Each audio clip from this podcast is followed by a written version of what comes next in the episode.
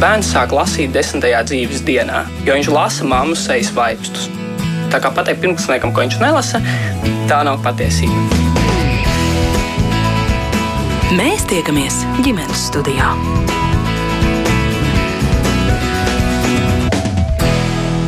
Labdien! Ir ģimenes, kurās vecāki pat nepamana, ka skolā uzdod mājas darbus. Bērni skolotāja prasīto paveic patstāvīgi un ātri un paspēja gan pilnveidot savas prasmes dažādos pulciņos, gan atpūsties kopā ar draugiem. Taču ir arī tā, ka skolā uzdotie mājas darbi pārtot par vakaru pasākumu visai ģimenei. Vecāki mēģina veiksmīgi vai mazāk rezultatīvi motivēt bērnu izdarīt skolā uzdoto, un šo procesu pavada strīdi un pēc tam slikts noskaņojums jautājums visiem iesaistītajiem. Kāpēc tas ir tā un kāpēc vispār vajadzīgi mājas darbi? Es Mairidz Noteņa aicinu arī jūs, klausītāji, izvaicāt mūsu studijas viesus. Rīgas centra humanitārās vidusskolas sākuma skolas skolotāji, arī sākuma skolas mācību priekšmetu jomas koordinātori Gitu Tamašu Blekti. Labdien! Labdien, Gita ir mūsu studijā, bet attālināti sveicinu Latvijas Universitātes pedagoģijas, psiholoģijas un mākslas fakultātes otrā līmeņa profesionālās augstās augstākās izglītības studiju programmas skolotājs, direktori, arī asociēto profesoru Ievu Margēviču Grīnbergu. Labdien! Labdien! Un arī draudzīgi aicinājumu Cēsu valsts ģimnāzijas direktoru Oskaru Kaulēnu. Labdien! Jā, nu tad kuram būtu vispirms, vispirms jautāšu tomēr skolotājai, kāpēc ir vajadzīgi mājas darbi? Mājas darbi ir vajadzīgi, lai mēs to, ko iemācāmies stundā vai saprotam, kaut kādā veidā nostiprinātu un dabūtu tai savā ilglaicīgajā atmiņā iekšā. Un neaizmirstu pēc kāda laika. Tas ir par visiem mācību priekšmetiem, vai šobrīd nē, jūs nē, runājat nē, nē, tomēr vairāk par savu jomu, par sākuma skolu? Es domāju, ka nu, jeb, um, psiholoģija jau ir uz visajām mācību priekšmetiem, vis, uh, visos vecuma posmos, nu, varbūt vizuālajā mākslā, um, tādos radošos priekšmetos tas nebūtu tik ļoti svarīgi, bet uh, es domāju, ka matemātikas, dabas zinātnes un valodas tur bez mājas darbiem tā kā Nē. Oskar, jūs esat arī skolotājs par vēsturi domājot un runājot, arī līdzīgi piebalsot kolēģei. Es, es piekrītu tam, ko kolēģis saka par to ilgtermiņa atmiņu, bet es, man droši vien būs ļoti sarežģīti iedot tādu vispārīgu definīciju, kāpēc mājas darbi ir. Jo es esmu pats no tiem, kas saka, ka bez viņiem mierīgi, mierīgi var dzīvot noteiktās situācijās. Un ir situācijas, kuras, kurās tie, tie mājas uzdevumi ir kritiski svarīgi, bet mums būtu īstenībā izglītības sistēmā tieši jāpavērtī, kuros brīžos mums šķiet, ka jā, šim ir pievienotā vērtība, un to es varu vēlāk arī izstāstīt, kur, kur ir, manuprāt, tie brīži, un ir brīži, ka tā vairāk varētu būt vienkārši skolēnu nodarbināšana. Tāpēc, ja sajūt, ja mājās neko nedara, tad visticamāk neiemācās, bet tā īsti arī nebūs, mm. nebūs taisnība. Mm, varbūt uzreiz tad arī stāstiet, kuri tie brīži jūsuprāt, ka vajag, un kuri tie brīži, ka tā vienkārši nu, ir ierasts. Eh, nu, nu viena lieta, kur man šķiet pilnīgi noteikti eh, mājas darbam ir kaut kāda funkcionālā jēga, ja es zinu, ka es nākamajā stundā ļoti detalizēti un ļoti fundamentāli viņu izmantošu. Restīvi, es iedošu kādu piemēru no vēstures. Piemēram, ja zinu, ka mēs strādāsim mācību stundās pie, pie projekta darba, kuram būs pietiekami liels apjoms, un vienkārši tev nebūs laika iekļauties tajā, tajā kas ir atvēlēts varbūt mācību stundās, tad visticamāk ir labi, ka tev ir iespēja mājās jau sākt kaut ko darīt, ja tev tam ir laiks, tu to gribi, un tu pats mazliet īstenībā pašvadīt saplāno, cik daudz laika uz kuru lietu, uz kuru lietu vajadzēs. Eh, skaidrs, ka atšķirās arī mācību priekšmeti. Protams, ir priekšmeti, kuros tās pamatprasmes vienkārši tādā, no žargonā sakot, drillējot, ir jāuzdrillē. Un skaidrs, ka tur tādas pamatlietas vienkārši ir vajadzīgs vēl papildus laiks, lai skolēni viņus nostiprinātu bet atkal ar domu, ka mēs pēc tam tālāk viņus ļoti izmantosim un uz tā balstīsies viss tas nākamais saturs, ko mēs mācīsimies. Bet tāpēc, vien, ka tēma beidzās un man kā ieradums obligāti ir jāuzdod kaut kas mājās, es šādai pieeja absolūti nepiekrītu, jo bieži vien tie mājas darbi, viņiem nav vienkārši funkcionālās jēgas kāpēc mēs viņus uzdodam. Bet tas atkarīgs no mācību priekšmetu, protams. Tā tie drillējamie priekšmeti, jūsuprāt, kas tie ir? Matemātika, piemēram, es, Nā, es aicinātu, nu, nemēģināt vispārināt, ka kāds priekšmets ir tikai drillējamais, bet matemātika, latviešu valoda, piemēram, tur, kur mēs mācāmies pamatprasmes konkrētās jomās, viennozīmīgi tur ir arī drillējamais gabals. Un, ja mācību stundās mēs redzam, ka vienkārši tam nepietiek laika, vai arī skolēni, tāpēc, ka ir dažādi mācīšanās tempi, vienkārši netiek, net, netiek paši stundā līdz tam sasniedzamam rezultātam, tad iespējams mājas darbs ir kā papildus veids, kā tu vari nostiprināt tās zināšanas un prasmes, ko varbūt mācību stundā neesi varējis izdarīt. Un skolotājs attiecīgi var pārliecināties par to, vai tev ir progress pret tiem sasniedzamiem rezultātiem. Jā, tiešām arī skolotāja attieksme dažāda. Mēs pirms eh, jau šorīt reklamējām šo raidījumu, ka runāsim par mājas darbiem. Mums, piemēram, atrakstīja geogrāfijas skolotāja, kur raksta, uzsākot mācības klasē, pasaku, ka mājas darbu nebūs. Skolēni priecājas, bet mājas darbs būs tam skolēnam, kurš nestrādās stundā vai traucēs man uh, kopā ar skolēniem strādāt. Un papildus vērtējumu saņem tie skolēni, kur atbilstoši mācību saturam klasē ir noskatījušies, piemēram, kādu Latvijas televīzijas televīzijas raidījumu un vai, piemēram, apmeklējuši muzeju. Uh, ko jūs par šo sakāt, Ieva? Kā mācību spēks, kura izglīto jaunos skolotājus? Jā, es gribētu teikt, ka nu, arī ne tikai mani novērojumi, bet arī pasaulē veiktie pētījumi liecina, ka būtībā mājas darbiem nu, tā korelācija starp uh, skolēnu sniegumu un mājas darbiem parādās reāli tikai kaut kad vidusskolā un, protams, augstskolā, bet līdz tam ne, uh, praktiski ļoti maz pētījumu, kas, kas liecinātu, ka tiem mājas darbiem būtu kāda liela jēga.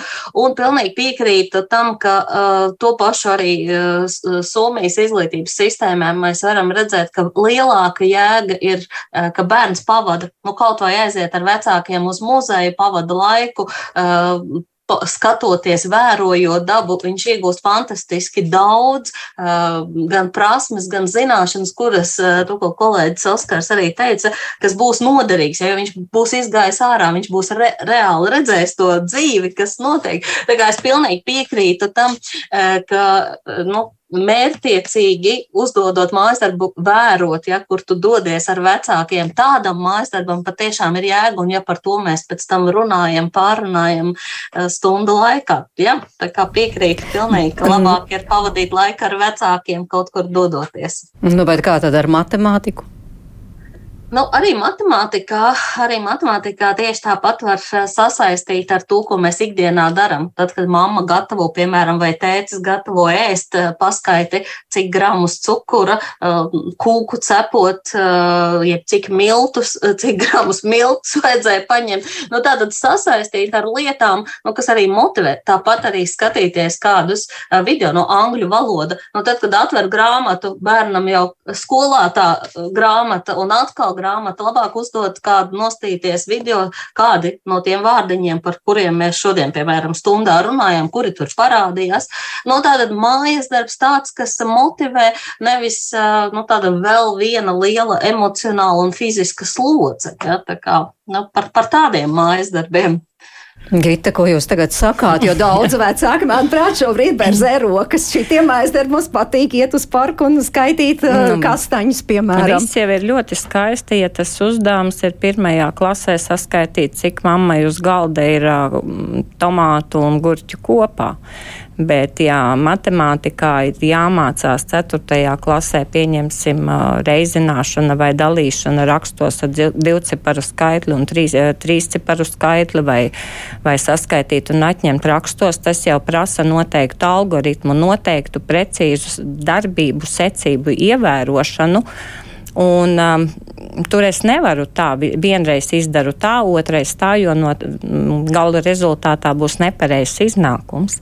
Un um, tie skolēni, kuri stundā tiek ar visu ļoti galā labi, viņi to ir iegaumējuši, viņi izpilda nu, visu, kas no viņiem ir prasīts, viņi paši sev izvirza kaut kādus mērķus, sasniegt kaut ko vairāk nekā skolotājs no viņiem gaida stundā, ar tiem nav nekādu problēmu un īstenībā viņi arī nu, parasti tiek atbildīgi atbrīvoti no mājas darbiem, jo viņiem to nevajag. Bet skolēni, kuri kā nevar, ir ļoti gausi, ir ļoti maz izdara stundā, un ja viņš mājās vēl nemaz nevingrināsies, nu, tad tas rezultāts arī nebūs tāds, tādu, kādu mēs vēlamies. Viens vē, um, svarīgs aspekts ir tā, kā es to mājas darbu uzdodu ar, ar, ar kādu, kādu pavadvēstuli, ja tas tev ir obligāti izdarāms tur pēc iespējas vairāk. Vai nu mēs ar skolēnu runājam par to, nu, kā tas ietekmēs to tavu sasniedzamo rezultātu, uz ko tad tu ej. Vai tevi apmierina, nu, pieņemsim, nu, kaut kādas, nu, tāds, mm, teiksim, līmenis, kurā tev vajag tikai un vienīgi palīdzību, vai tu tomēr gribi izaugt līdz tādam līmenim, kur tu tiec pats ar visu galā. Nu, es domāju, pirmklasnieks diez vai par tik tālu nākotnē aizdomātos un par tiem līmeņiem, kas Ziniet, viņu nē. sagaida nākamajā, tālākā tā, dzīvē.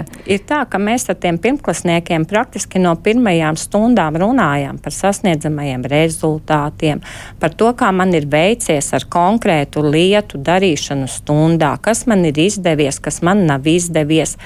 Ko vajadzētu darīt, lai mans sniegums nu, nākamreiz būtu labāks? Un varbūt mājās ir tā reizīte, kad es varu varbūt palasīt, vai kādas minūtītes, desmit vairāk, nu, vai, vai vecākam priekšā palasīt, vai vienkārši pats pavingrināties. Vai es varu palūkt, lai man kāds padiktē, vai es varu paņemt, pieņemsim, miksike.lv matemātikā, uh, uzspiest matemātikas spēlīti un pats ar sevi pavingrināties saskaitīšanā. Ja? Nu, tas ir viss, kā, kā mēs uz to skatāmies un kā mēs par to runājam ar bērniem. Nu, jūs sakāt motivē, bet uh, jūs jau runājat par tiem gausiem klusajiem, un arī raidījuma sākumā es iezīmēju, ka, protams, ir bērni, kuriem tas vispār nesagādā Jā. grūtības, čik čik un viss izdarīts, bet tieši tie gausie, tie jau arī mājās, tur jau tieši tie skandāli notiek ar to mājas darbu pildīšanu. No, es nezinu, manuprāt, ir tā, ko mēs gribam, lai bērns atnāk uz skolu un vienkārši pavada labu laiku skolā un labi jūtās, un mēs mājās nedaram neko jo mēs jau esam vecāki un uh, mums nevajadzētu ar bērniem bojāt attiecības, lai bojā skolotāji. Tas ir citāts no vecāku sarunām. Ja? Vai nu mēs tomēr gribam, lai tas mūsu bērns kaut ko iemācās un lai viņam tas mācību process aiziet nu, tā mazliet raitāk. Nevis viņš kaut kādā brīdī saprot, ka to viņš nevar, to viņš nevar, to viņš nevar. Un ir brīdis, kad bērnam nolaižas rokas. Ja? Nu, vajag gan skolotāju tādu prātīgu iesaistīšanos, gan, gan vecāka atbalstu un, un tos mājas darbus arī. Nu, Nu, bez viņiem nevar. Vienīgi tie nav tādi mājas darbi, kā mēs tur esam pieraduši, teiksim, nu, līdz šim pildīt piecus uzdevumus vai vēl kaut ko. Tie ir savādāki šobrīd. Jā, Oskar iezīmējās bērni, protams, ir dažādi. Ko jūs ar tiem gausajiem, kā jūs viņus motivējat? Tā, protams, vairs nav pirmā klase, tā jau ir pamatskola, manuprāt, jā. Ja? Man ir no, man ir no septītās, un kolēģi, man, man ir daudz vienkārši tādas teikas, ko es gribētu ienest sarunā no tā, ko arī, arī kolēģis teica, bet par to, ko mēs darām vai, vai, vai nedaram ar gausajiem. Es, es teiktu, ka tā viena atslēgas lieta tomēr ir tas, ko un kādā veidā mēs darām ikdienas mācību procesā stundās. Bet tas, par ko es ļoti daudz arī mājas darbu kontekstā esmu, esmu domājis, un arī par šiem nosacītu pamatpriekšmetiem - latviešu valodu, matemātiku. Un tas jautājums ir par to, cik piemērus man kā skolēnam vajadzētu atrisināt, lai skolotājs dabūtu pārliecību, ka es esmu apgūstis to sasniedzamo rezultātu. Jo lielāko, bieži vien jau tie mājas darbi, tas, ko kolēģi teica, ka nav tie pieci piemēri jārisina, bet vairāk vai mazāk lielākoties tie mājas darbi ir tieši tik klasiski. Tieši tādus pašus piemērus, kā mēs darījām klasē, mēs risinām vēl 10, 20, Tur, kur ir valsts gimnāzijas, tur vispār reizēm aiziet kuku, tur ir vēl entie, entie piemēri. Un tas ir jautājums arī par mums kā skolotājiem. Cik tad vajag tos piemērus, lai es pārliecinātos, ka tu tiešām to esi izdarījis? Tā ir viena lieta, par ko es, par, par ko es domāju. Un arī, nu, teiksim, esošajā sistēmā ir pietiekami daudz risinājumu, kā mēs kā skolotāji varētu pārliecināties, ka apgūst, nu, piemēram, mācību stundas organizējot blokos. Nevis taisīt 40 minūtes un tad kaut kad vēlāk, kur man pa vidu šķiet, ka man viņš ir jānodarbina, jo viņš aizmirsīs, bet mēs mēģinām tajās 80 minūtēs vai reizēm pat vairāk mēģināt aizvest visus bērnus līdz tam, ka viņi to sasniedzamo rezultātu iemācās. Tā ir tā, ir tā viena tēze, un, ja drīkst, ja drīkst um, vēl viena tēze par tiem mājas darbu formātiem, jo šeit netiešā veidā parādījās, bet, bet principā nu, pedagoģijā runā par tās augtās apvērstās vai flip classroom, nu, apvērstās klases principu kur principā, lai es mācību stundās varētu aiziet ar skolēniem dziļākā saturā, ir kaut kas mājās jāizdara. Nu, šeit bija piemērs, es noskatos, piemēram, video, kur es paņemu tos atslēgas vārdus, no, nezinu, angļu valodai, un pēc tam mācību stundām mēs ar tiem vārdiem strādāsim un iesim dziļumā. Bet, ja tie mājas darbi vairāk vai mazāk ir reproduktīvi, kurus vienkārši vēlreiz trenē vienu un to pašu, tam tas, ko kolēģi jau teica, tam nav tieši korelācijas ar mācību sasniegumiem pēc tam. Ir ļoti daudz pētījumu šobrīd, kas liecina, ka tā korelācija ļoti vāja un ļoti atsevišķos gadījumos. Līdz ar to es saviem arodu brāļiem ļoti aicinātu nu, teiksim, tiešām izvērtēt, kur ir tā, tā situācijas, kurās kaut kas mājās obligāti ir jāizdara, lai tāpēc, lai ietu ātrāk uz priekšu, lai nostiprinātu ilgtermiņā un pēc tam varētu iet dziļumā. Un šeit mēs runājam par diferencētiem mācību mājas, no mājas darbu mērķiem. Kāpēc es uzdodu? Un tas, ko kolēģis studijā ļoti precīzi arī teica, tas ir tā pavadvēstule. Un kā es skolēniem skaidroju, kāpēc tev ir jādara šis, un citam varbūt tās ir kaut kas cits, kas mājās ir jāizdara. Jo tie tempi, tā motivācija un, un vajadzības ir ārkārtīgi atšķirīgas. Līdz ar to tā pavadvēstule mājas darbam būs tā atslēgas lieta, kā mēģināt pārliecināt, ka šī lieta ir jādara. Un šī varbūt ir brīvprātīga, bez tās es varu iztikt, un, un, un pasaule nesabruks, ja es to mājas darbu neizpildīšu, tas man varbūt ir papildus, un es negribu to šobrīd, šobrīd darīt.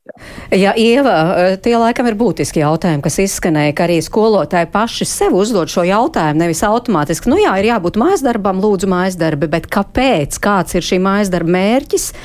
Un, un Nu jā, un arī tas mūsdienīgākais saturs, kas te izskanēja, blokstundas, piemēram, dažkārt, nu mēs jau runājam par vecākām klasēm, jā, trīs, piemēram, ķīmijas. Nu es tā iedomājos, es tā nemācījos, bet es tā iedomājos, kur uh, vienā stundā, piemēram, skolotājs izstāst saturu, pēc tam, lai būtu kaut kāda maiņa, tad tiešām liek uz vietas skolēni arī pārbaud, ko viņi sapratuši, kur nē, pēc tam vēl kaut kāda diskusija vai kaut kā, un tur varbūt var kaut kā iekombinēt tos mājas darbus, ko var izdarīt jau skolā. Jā, nu būtībā pasaules pieredze, daudz valstu pieredze rāda, ka tas ir iespējams un pilnīgi piekrītu kolēģim eh, par bloku stundām, jo vienā stundā mēs varam tikai reāli nu, kaut ko izstāstīt, vienu uzdevumu, divus uh, pamēģināt, bet nevaram pārliecināties. Tad bloku stundās par to var pārliecināties. Un vēl jau, vēl jau nu, mana pieredze, atkal strādājot ar simtiem skolotāju, jāsaka, ka Latvijā skolotāji ir tik ļoti tik ļoti atbildīgi, tik ļoti domā, nu, kaut nu, tas bērns to iemācītos. Ja? Nu, ka, eh, nu, tāpēc mājās not, noteikti vajag ja tās visu laiku, nu, saku, tie simti, eh, kuru pieredzi analizējot, es skatos, ka ir tādas bailes. Visu laiku ir bailes, nu, lai tik mēs būtu labākie, lai tik, lai tik tie bērni sa, sasniegtu visu. Ja? Un rezultātā ir milzīgs stress pašiem skolotājiem un skolēniem, un uh, mēs daudz visi braucam uz Somiju, pētīt Somijas pieredzi. Un tad atbrauc mājās skolotājs, saka, ja jūs zināt, cik tur viss notika lēni, cik bērni laimīgi, skolotāji relaksēti. Ja? Bet tas jau ir, tā jau, tur jau ir pilnīgi cita filozofija. Tur nav tās bailes, tur ir tas cits temps, ja? un ļoti daudz tiek strādāts tiešām klasē, pārdomāts. Nu, protams, arī mājas darba nav tā, ka nav. Ja? Praktiski nu, atsevišķās vietās pasaulē, kur ir tas no homework policy, ja? ka bez mājas darbu politika Protams, ka valodu apguvē matemātikā ir nepieciešams nu, smadzenes, lai kaut ko atcerētos, ir nepieciešams atkārtot. Ja? Bet te atkal piekrītu abiem kolēģiem, ka svarīgs ir, svarīgs ir veids, kādā, ja? kādā, kā, kādā mēs to darām. Un vēl kas ir būtiski, vai mēs ievērojam un kopā visi skolotāji paskatāmies, kas sanāk ko mēs uzdodam kopā, cik tas laika prasa. Un to pētījums saka, ir viena no ne, lielākajām problēmām. Ja? Ka beigās uh, ir, ir katrā valstī ir citur pat noteikts, cik drīkst būt. Pieņemsim, pirmajā klasē 10 minūtes mājas darbi dienā, otrajā klasē 20 un tā uz augšu. Ja? Uh, bet vai to kāds paskatās, paskaita, man citreiz liekas, ka ne, jo man pašai ir tas gausais bērns, kuram nepatīk pildīt mājas darbus, un tas tiešām pārvēršas dažreiz vakarā par murgu visai ģimenei, ja, jo to mājas darbu ir tik daudz, ka viņš jau no tā vien uh, bieži vien negrib neko vairs darīt. Ja? Un ir vēl uh, daudz interešu izglītības uh, pulciņu. Ja viņš atnāk mājās, tās ir sporta nodarbības, un tad jau ja, ir galīgi pārgojis. Tā kā vēl jau jāņem mūsdienu, nu, ka praktiski visi bērni arī kaut kur ir iesaistīti pēc skolas. Ja? Nu, tas būtu tā, tā, tā, tā pārdomām. Mm -hmm. Jā, ko jūs atbildētu, jo nu, skolotājiem ir pārāk, pārāk liela atbildības sajūta, tā te izskanēja. Jā, tas, tas, tas patiešām tā ir, jo mm, pirms četriem gadiem ar savu iepriekšēju audzināmo klasi, kad mēs no pirmās klasītes sākām mēģināt šo jauno pieeju, runāt par sasniedzamajiem rezultātiem, par to, kā mums veicas, Man uh, praktiski pirmos divus mēnešus pašai bija tāds iekšēja bet es taču nepaspēšu izdarīt to un to un to. Un to. Man tas tik daudz laika aizņem, bet praktiski pēc pirmā pusgada es redzēju to atdevi, ko tas dod bērnam, un tad es sapratu pati sev, ka. Um, šī reizē bija labāk mazāk izdarīt, bet vairāk runāt par to, kā mēs to darām, kāpēc mēs to darām un kam mums to vajag.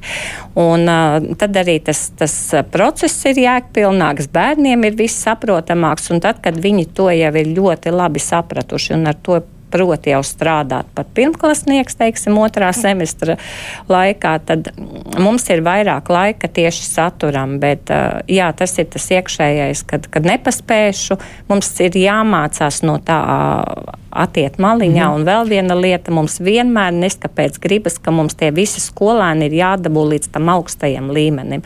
Bet katrs mēs esam atšķirīgs. Un mums ir jāpamana tāds bērns, kāds viņš ir, un jā, jāparāda tas, ka mēs priecājamies par to viņa varbūt ne tik augsto sniegumu, bet viņa nu, tam to, to sasniegt, to, ka tas ir kaut kas īpašs un tur ir ieguldīts darbs. Bet jums laikam vieglāk, jo šobrīd pirmo klasīti mācat, jūs faktiski esat gandrīz vai vienīgā skolotāja, jums nav jāsaskaņo ar kolēģiem, un jau izskanēja, mums arī ģimenes studijā jau ir izskanējis šis uh, pirmajā, ka vajadzētu tiem mājas darbiem aizņemt tik daudz laika, kā piemēram pirmā klasīte reiz desmit minūtes, tad viens reiz desmit minūtes ir desmit minūtes pirmajā klasē, otrā klase reiz desmit minūtes būtu 20 minūtes, trešā klase reiz 10, 30 minūtes un tā uz augšu. Jums Jā. izdodas to ievērot? Mm, mēs tā kā mm, cenšamies redzēt bērnu pirmajā, otrajā klasē, vismaz Rīgā, ir uh, pagarinātajā dienas grupā. Un tur ir brīvais laiks atpūtai, spēlēm, iziet viņi ārā. Tad, kad galvas ir atpūtušās, ir laiks, kad viņi izpilda tos uzdevumus, kas viņiem varbūt kaut kas nav pabeigts skolā, stundas laikā. Izdara tās lietiņas, ko viņi var izdarīt stunda, skolā, lai pēc tam, kad ies mājās, tam vairs nav jātērē laiks.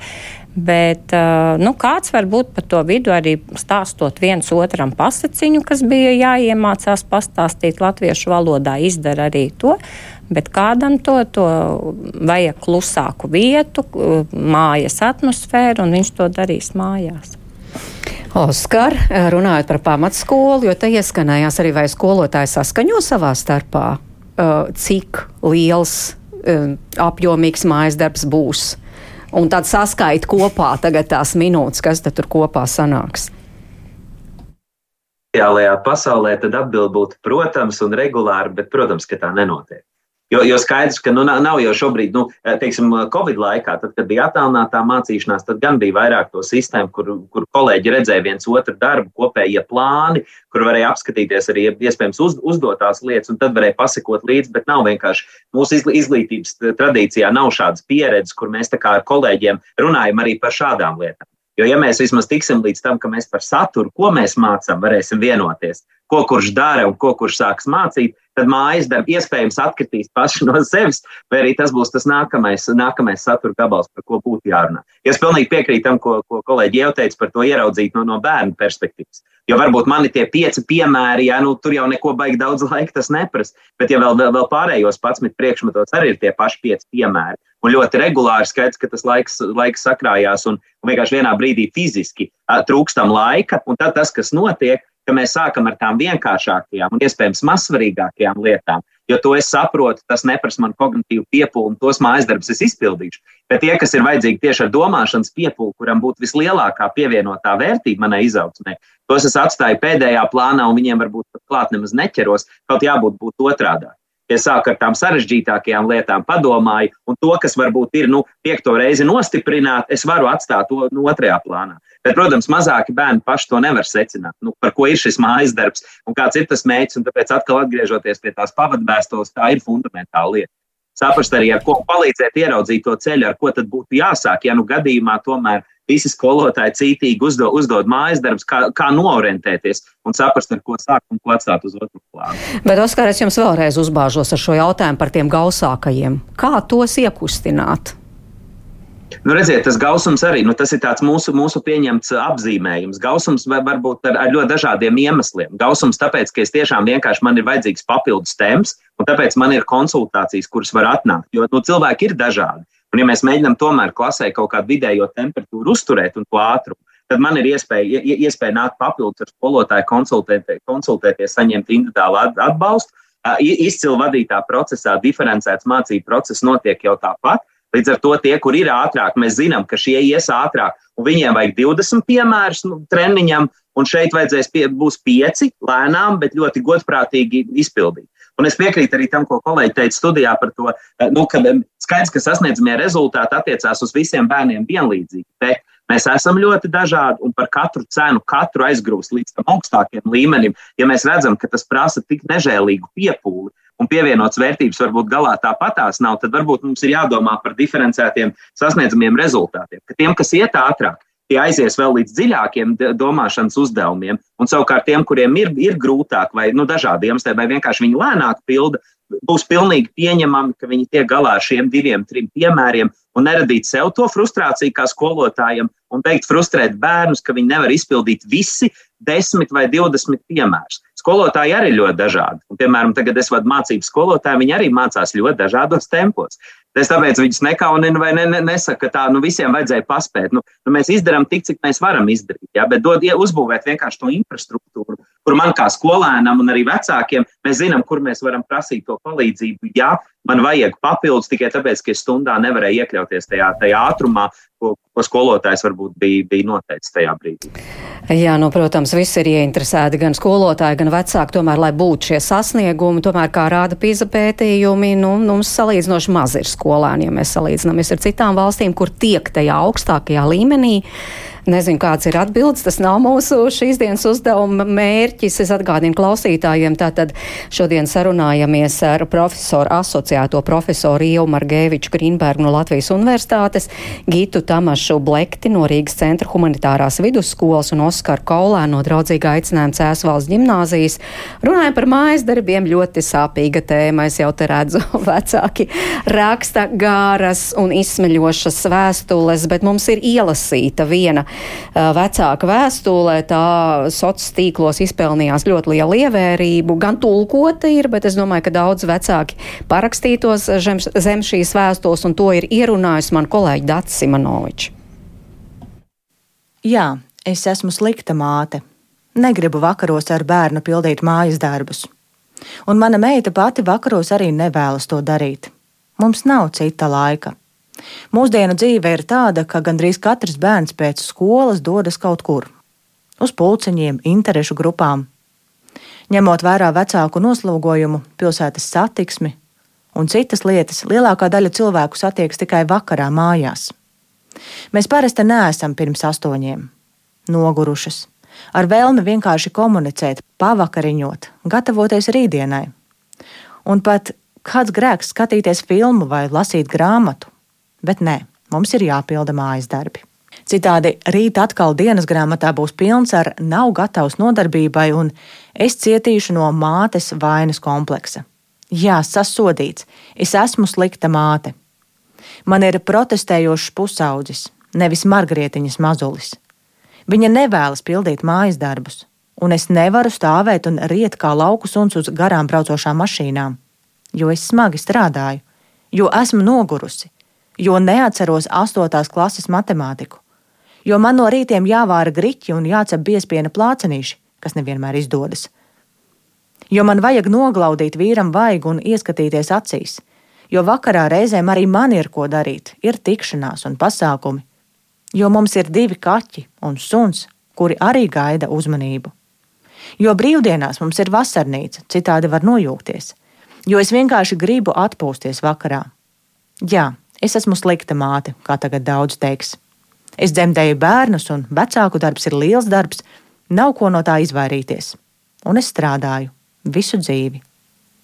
Lai mani bērni būtu veseli, apģērbti, bez skolas programmas iemācītos ko citu, izklaidētos, aizietu uz jūru un būtu mani draugi.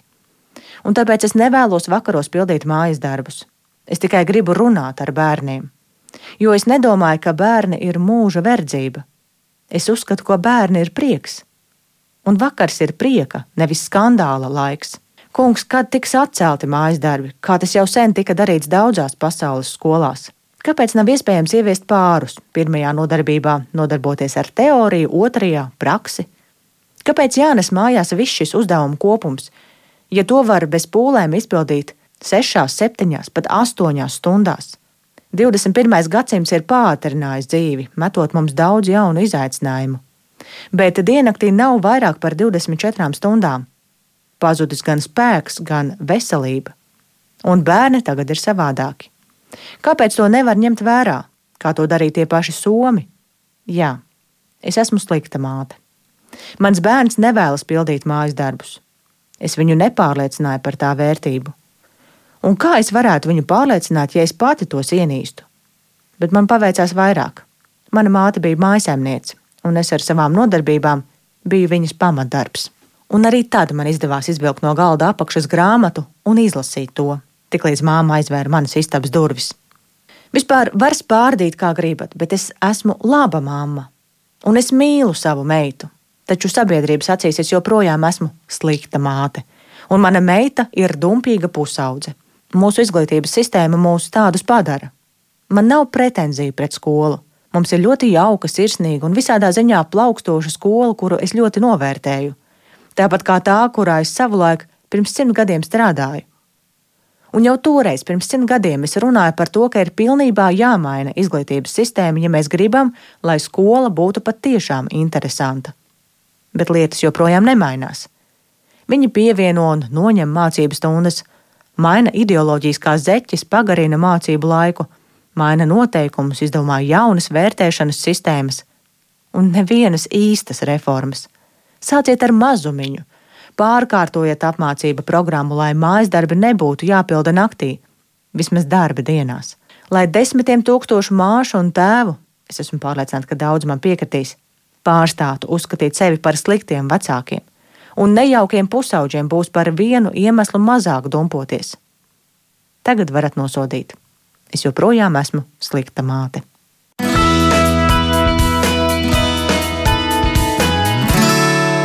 Jautāšu visiem pēc kārtas, Ieva, slikta māte, laba māte, kā jūs teiktu? Nu, es pateikšu, ka es eh, varu ka, zem katra vārda parakstīties. Es arī pret sevi varētu teikt, ka es esmu slikta māte. Man lekcijas citreiz beidzās deviņos vakarā klātienē, kamēr es atbraucu no fakultātes mājās. Eh, pulkstenis jau ir desmit, un tad eh, jāsaka, paldies Dievam, ka mēs dzīvojam kopā arī ar, ar, ar maniem vecākiem. Tad mana mamma uzņemās arī atnākot pēc darba šo kopā skatīšanos, kas tad ir uzdots mājās. Tā kā jāsaka, es esmu daudz risinājumus redzējusi, un viens risinājums ir, ko uh, daudzās skolās, uh, daudzās skolās pamazām arī ievieš, ka nedēļu uz priekšu ir zināmi, kādi mājas darbi būs, un ka bērns arī var plānot. Viņš var redzēt, ka tas nav negaidīti, ja, ka pēkšņi tu, tu atnāc no, no, no, no, nezinu, no pulciņa un ierauk, ka uz rītdienu ir vēl kaut kas uzdots. Ja. Uh, tā kā, ja nedēļu uz priekšu ir, ir zināms, tad var atrast, var atrast laiku un, un un saplānot. Nu, protams, es esmu, es esmu pār mājas darbiem, bet par to mazu apjomu, par to, ko Oskars arī teica, par, nu, par to jēgu, kādu, ar kādu mēs uzdodam, ja, un ko, kā mēs to izmantosim tās uh, zināšanas klasē. Tā kā, jā, es pilnīgi esmu par to, ka, ka mājas darbiem būtu jābūt eh, tādiem, ka tas eh, nerada arī ģimenēs milzu stresu, ka tu atnāc mājās un nezini, no kura gala eh, ķerties klāt, jo zinātnieki saka, ka vispār mājas darbu izpilde ir produktīva tikai tad, ja tas notiek līdz sešiem vakarā. Pēc tam tad, tad jau ir, ja, jau, jau tāpat ir pārslods. Tā kā arī tas jau ir pateikts, ka, ka nevajag to darīt. Vakaram ir jābūt brīvam ar vecākiem vai ar draugiem, nu, vienalga ejot ārā ārā. Tā tā, tādas manas pārdomas. Nu jā, bet uh, piedodiet, kurā klasē jūs bērns mācās? C ceturtajā. Mm. Nu, bet 4. klasē kāds varbūt teiktu, nu kā jums jau vajadzēja kā mammai visu izdarīt, lai viņš pats ar visu tiek galā. es saku, mans bērns nav tāds. Absolūti ne. Katrs bērns ir citādāks. Viņš gaidīs līdz kaut kādiem desmitiem vakarā, kamēr kāds būs, un tad viņš sāk kaut ko darīt. Tā, kā, nu, tā, tā ir realitāte. Nav jau tie bērni visi vienādi atnāk mājās un paši mācās. Kā ir dažādi, ja, un man pašai ir tāds. Mm -hmm. Gita, ko teorija saka? Ceturtā klasē jūs jau sagaidāt, ka vajadzētu aiziet bērnam mājās un pašam ar visu tikt galā? Nu, teorētiski jau jā. Tāpēc, ka te ir tā saruna no pirmās klases, no, no, no, no stundas uz stundu, ka skolā jau mācos es, to jau vajag man. Skolā nemācās ne mana mamma, ne mans tētis, ne mana omīte. Un es daru tāpēc, ka es gribu apgūt un darīt labāk. Un ja pusaudzis gaida mājās mammu līdz deviņiem vakarā un neko nesāk darīt, es tad drīzāk runātu nevis par to, ka viņš uh, negrib vai nevēlas, bet īstenībā viņš novel, noveļ vainu uz vecākiem, jo tad ir mamma un tētis vainīgs, ka viņi ir tik bijuši tik vēlu mājās. Ja, ja mēs runājam šobrīd uh, izglītībā uh, par šo jauno pieeju, tad atbildība ir uz mani. Un mēs pamazām, pamazām no, no, no mazām klasītēm mācāmies, kad es daru pēc iespējas ātrāk. Un mēs arī daudz runājam ar bērniem par plānošanu. Mēs skolā esam vienojušies ar skolotājiem, ka mēs nekad neuzdodam tādus apjomīgus darbus no šodienas uz rītdienu. Tā ir vismaz nedēļa starpā vai pat divas nedēļas, ja darbiņš ir apjomīgāks, un mēs stundās skolā ik pa brīdim nu, pārunājam, kā jums veicas, cik tālu jūs ar to esat. Ja?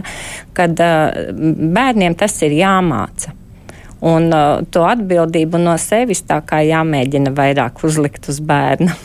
Jā, Oskar, Jo ir tagad visādi moderni jēdzieni, pašvadīta mācīšanās, motivācija iekšējā, lai būtu un tam līdzīgi. Bet nevienmēr tā ir.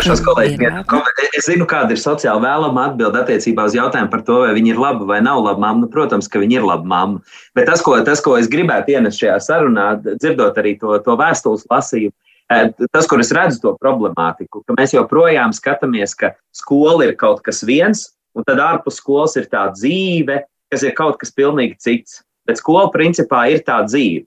Un, ja mēs uz tiem mājas darbiem un to, kā tie skolēni tur plosās, raud vai taisa histērijas tajā brīdī, kad ir jāmācās, paraudzītos no savu bērnu izpētes perspektīvas un mēģinātu vairāk saprast par to, kas tur īstenībā notiek. Vai, vai ņemtiņš ir par to, ka mēs vienkārši ar lielāku apjomu darbiem netiekam galā, vai mēs neredzam stratēģiju, kā var ar šāda veida uzdevumiem tikt galā vai vienkārši bērnam trūkst pamatojumu, kāpēc vispār šis jādara. Mēs uz to mājas darbu lietu skatītos ļoti, ļoti citādi. Jo nav tā, ka visa tā frustrēšanās un vecāku iesaistīšana ir tikai pie vieniem un tiem pašiem apstākļiem. Tie iemesli, kāpēc tur ir tas, tā, tā plosīšanās, ir ļoti atšķirīgi. Un tas, ko ne, neatkarīgi no tā, nu, vai, vai mēs sevi uzskatām par labiem vai sliktiem vecākiem, bet tas, kas ir jāatrod vakarā laiks, joprojām sarunāties par mācīšanu. Pat tad, kad diena ir pagājusi, jā, vienalga, vai tie ir jautājumi, par kuriem mēs runājam, kā tev gāja, ko tu jaunu iemācījies, kas tev radīja grūtības. Bet nevarētu būt tā, ka mums skola ir viena pasaule, un tad mēs skatāmies to filmu un, un dzīvojam it kā citu dzīvi. Tā viss ir dzīve. Un jautājums ir, kādā veidā šīs abas dzīves sapludināt, lai, lai, ne, lai nerodās šī nu, plaisa starp divām pilnīgi dažādām pasaulēm. Es, protams, ar ļoti daudzām lietām arī rezonēju, man, un, un es pilnīgi piekrītu ja, par to jēgu un apjomu, un nevar to reizēm ne vecāki izskaidrot, ne bieži vien arī paši skolotāji var izstāstīt. Tas, ka tur arī no, no skolas nosacīt brīvajā laikā ir jābūt telpai un laikam sarunāties par mācīšanos, to mācīšanās pieredzi, tam gan es kategoriski nu, kā, saku, ka tā ir jābūt. Un tad ja pēc šo skatās, tad varbūt ar to vecāku lietu man ne viss uzreiz liekas, liekas ļoti, ļoti kārtībā. To es vienkārši aicinātu arī klausītājiem par šo mazliet, mazliet padomāt. Jo citur jau nav, tad, kur sarunāties par to, kā iet mācīšanās. Vecāki nav skolā līdzi, ja tā ir tikai skolotāja atbildība. Tad tomēr vecākiem ir jāsaprot, kas, ka, ka, kā mans bērns mācās. Un tur nāk iekšā šie modernie jēdzieni, arī pašvadīt mācīšanās, iemācīt tā bezpalīdzību, ko kolēģi studijā nenosaucot vārdos, bet par ko runāja. Ja. Tur ir ļoti daudz, daudz lietas, kas jau šobrīd ir izpētīts par to, kas notiek, ja mēs noteiktā veidā nesarunājamies ar, ar, ar jauniešiem par to, kā viņiem iet skolā un ko viņi tur dara.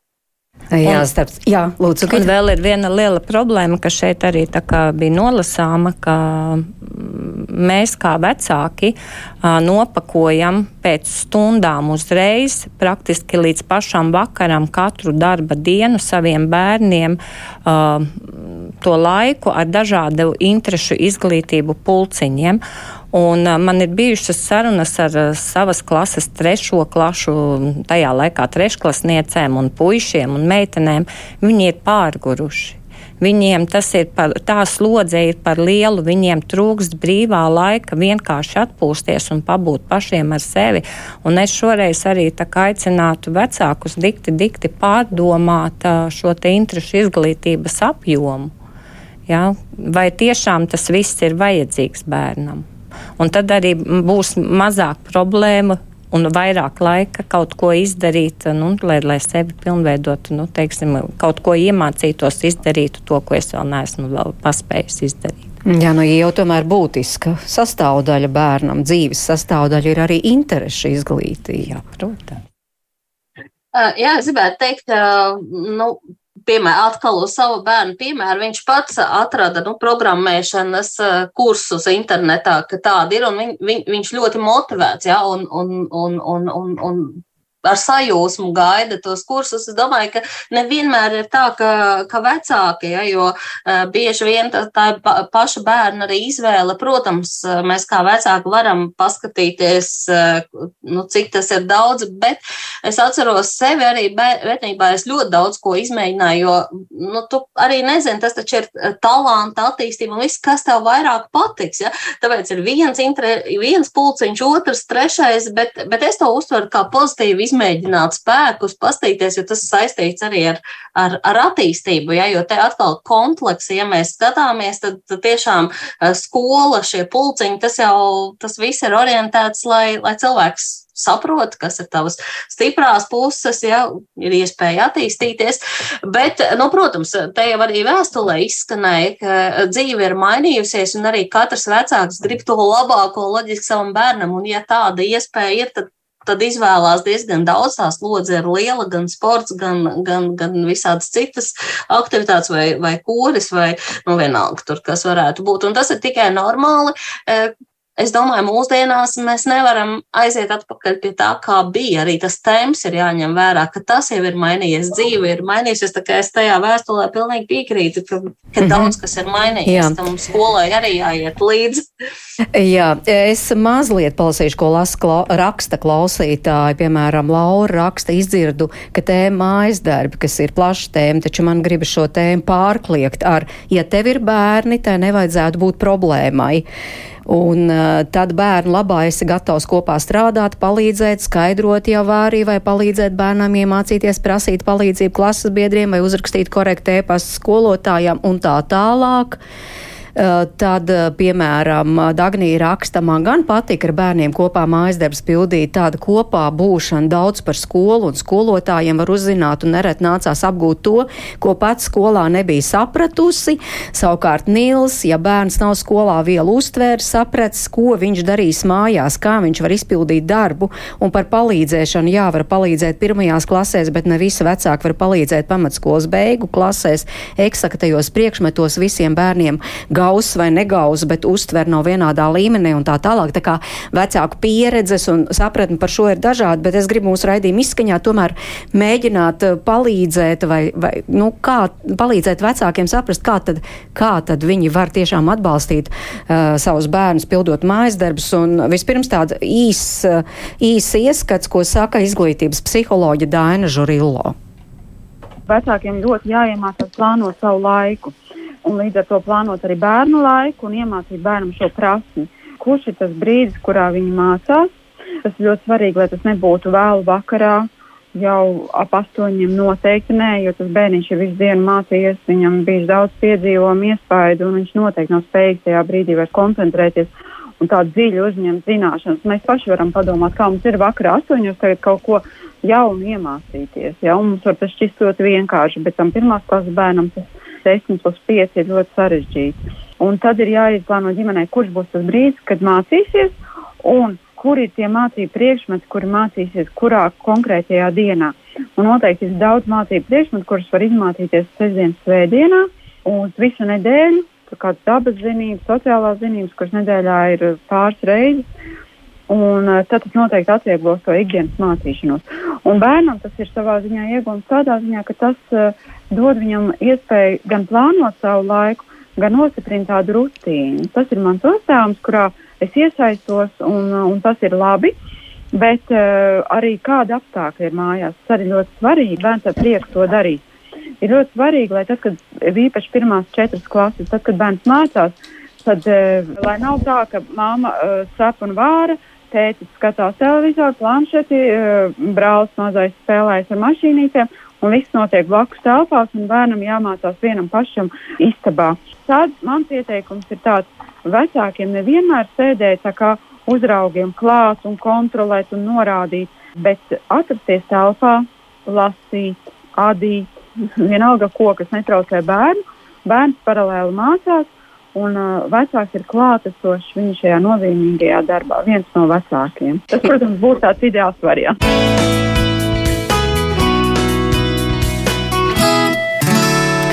Tie bija izglītības psiholoģis Daina Žurilo ieteikumi. Jautāšu arī jums visiem, varbūt tiešām ir kādi praktiski padomi, jo nu neizvairīsimies. Vismaz pagaidām laikam neizvairīsies neviens skolēns no mājas darbiem.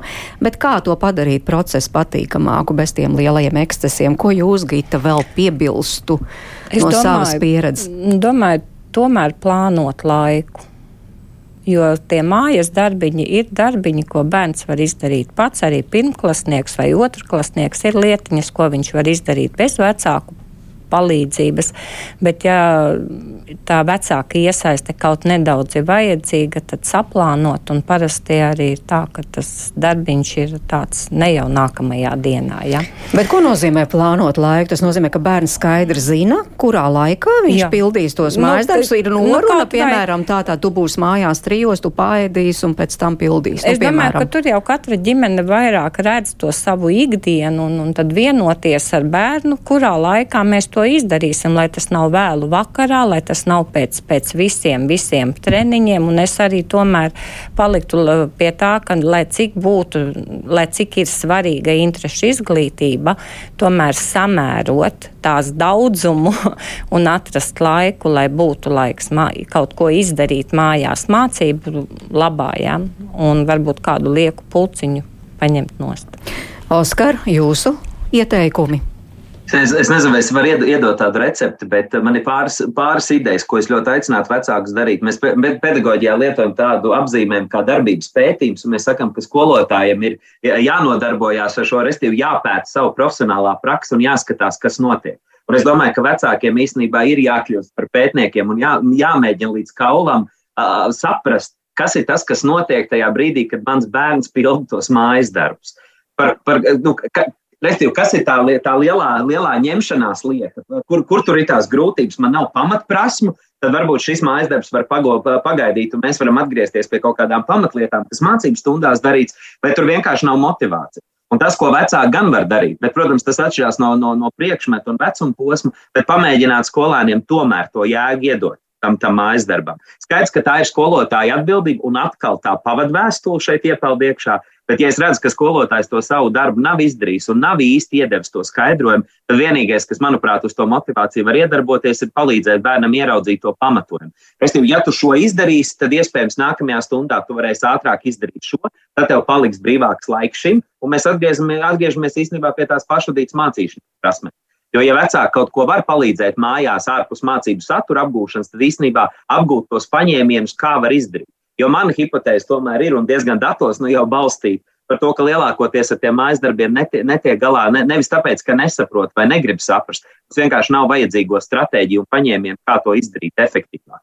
Un, ja vecāki var palīdzēt, ja nevis tur lasa visu tekstu, bet paskaties pa diagonāli, izcēl atslēgas vārdus ārā, un varbūt tev pietiek, un nevajag katru rindiņu marķēt, ja, piemēram, tad mēs varam daudz ietaupīt pirmkārt laiku, un tie mājas darbi tiešām kļūst daudz vienkāršāk paceļam nekā, kad tas paņem pilnīgi, pilnīgi visu, visu vakaru. Līdz ar to tā vecāka atbildība būtu īstenībā sarunāties par to, kā tu mācies, nevis ko tu mācies. Jā, nu tad vecākiem vispirms uz kursiem, kur šī to visu iemāca, un pēc tam mācam bērniem. Ieva? Jā, nu es skatos to, ka tā, tam ir jābūt tādam kopīgam risinājumam. Tātad arī, arī skolās skolotājiem tomēr ir jāskatās kopumā, kas notiek, jāuzdod šo nedēļu uz priekšu mājas darbus, lai varētu gan vecāki, gan arī paši kopā ar, ar, ar bērniem, arī paši bērni redzēt to daudzumu, kas ir un plānot savu laiku. Jo, protams, kā atslēgas vārds ir plānošana.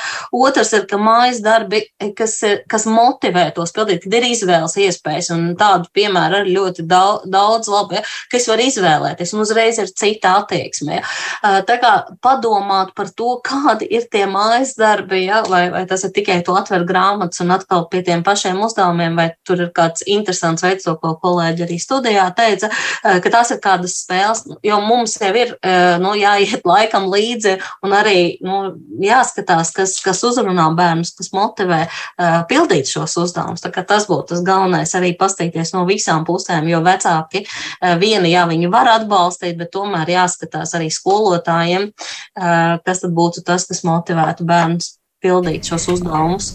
Paldies! Es saku Oskaram Kaulēnam no draudzīga aicinājuma Cēsvalsts ģimnāzijas.